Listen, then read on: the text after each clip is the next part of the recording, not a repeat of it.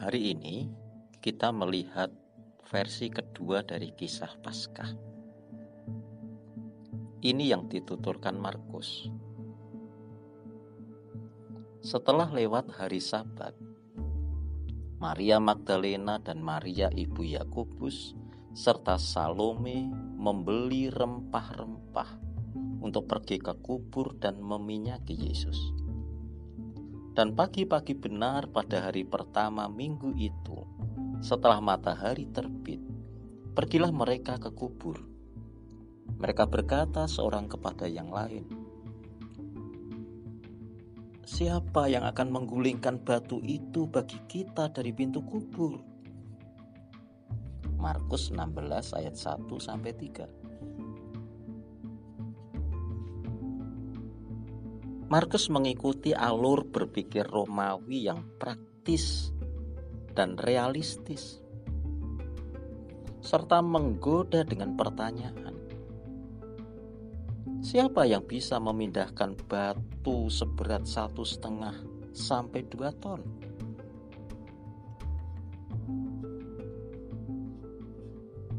Ingat, yang berziarah di kubur Yesus pada fajar tersebut bukanlah para wanita yang hari-harinya ngejim, bukan para wanita berotot. Buatlah yang datang para wanita kekar mana bisa mengangkat batu super berat tersebut. Bisa-bisa kena sarap kecepit atau terkilir.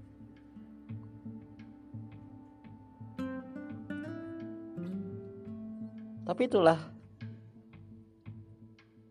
kisah Paskah yang dituturkan oleh Markus.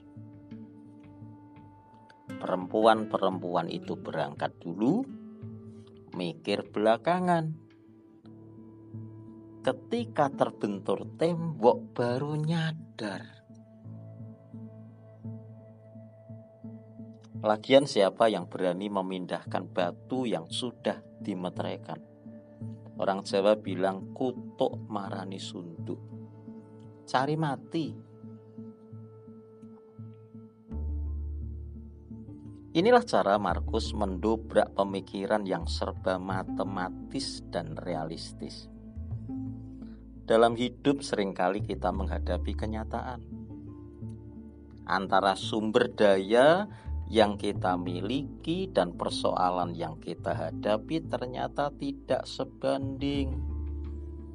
Masalah itu terlalu besar dibandingkan kemampuan kita. Tantangan itu terlalu berat untuk diatasi. Penyakit itu terlalu parah untuk disembuhkan. Hutang ini terlalu banyak untuk dilunasi. Orang yang hadir 50 ribu, 5 ribu orang sementara yang ada pada kita lima roti dan dua ikan. Dan kita hanya bisa berkata, aduh maaf, saya tidak bisa, saya menyerah saja.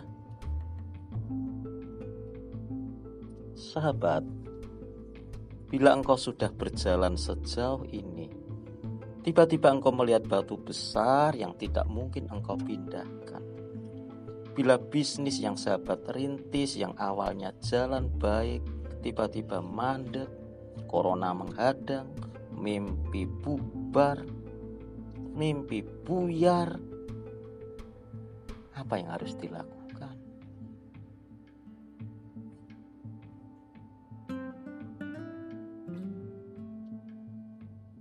Sahabat sudah merancangkan matang-matang planning hidup.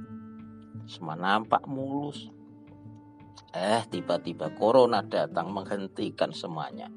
Sahabat kalang kabut, apa yang harus dilakukan? Selama ini hidup kita mapan. Lalu sekarang tiba-tiba semuanya berubah PHK di mana-mana hidup serba sulit. Masalah bertonton rasanya menimpuk kepala kita. Siapa yang bisa menolong kita?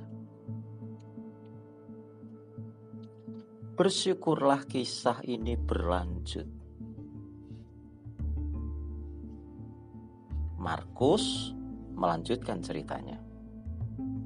Tetapi ketika mereka melihat dari dekat, tampaklah batu yang memang sangat besar itu sudah terguling.